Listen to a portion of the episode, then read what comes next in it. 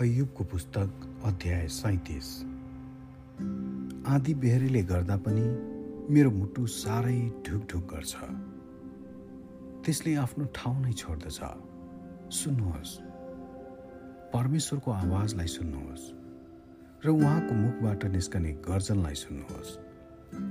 उहाँले आकाशको वार पार र पृथ्वीको एक छेउदेखि अर्को छेउसम्म बिजुली पठाउनुहुन्छ।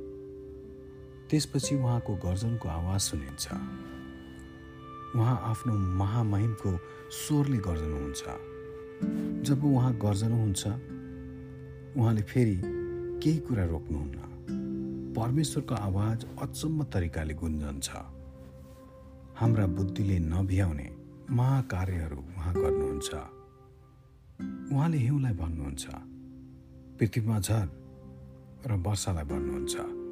मुसलधारे वृष्टि हो। यसरी उहाँले सृष्टि गर्नुभएका उहाँका कार्यहरू मानिसहरूले जानुन्। उहाँले मानिसको सबै परिश्रमलाई रोक्नुहुन्छ। यसरी उहाँले तिनीहरूलाई सृष्टि गर्नुभएको हो भनी सबै मानिसहरूले जान्न सक्छन्। वन पशुहरू आफ्ना ओढारतिर जान्छन् र आफ्ना गुफाहरूमा शरण लिन्छन्। प्रचण्ड आँधी आफ्नो कोठाबाट फुकेर निस्कन्छ र कडा बतासबाट जाडो आउँछ। परमेश्वरको सासले बरफ बनिन्छन् र विस्तृत पानी जम्छ।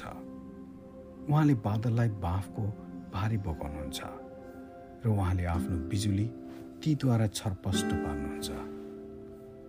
तिनीहरू सम्पूर्ण पृथ्वीमाथि उहाँको निर्देशनमा घुम्दै रहन्छन्। उहाँले हराएका सबै काम गर्नलाई परमेश्वरले पृथ्वीलाई भिजाउनलाई वृष्टि पठाउनुहुन्छ। मानिसहरूलाई दण्ड दिन अथवा आफ्नो निगाह देखाउन पनि उहाँले त्यो पठाउनुहुन्छ। अयो यो कुरा सुन्नुहोस्। चुपचाप भएर परमेश्वरका उद्योगका कामहरूलाई विचार गर्नुहोस्। परमेश्वरले बादलहरूका काम कसरी खटाइदिनुहुन्छ र आफ्ना मेघबाट कसरी बिजुली चम्काउनुहुन्छ? सो तपाईँ जान्नुहुन्छ र बादलहरू कसरी माथि आकाश मण्डलमा झुन्डिरहन्छन्? यो त उहाँको अचम्मको काम हो। जो ज्ञानमा सिद्ध हुन्छ भने के तपाईँलाई थाहा छ? दक्षिणको बतासले भूमिलाई ग्रस्त पारेको समयमा तपाईँ केवल गर्मीले व्याकुल हुनुहुन्छ।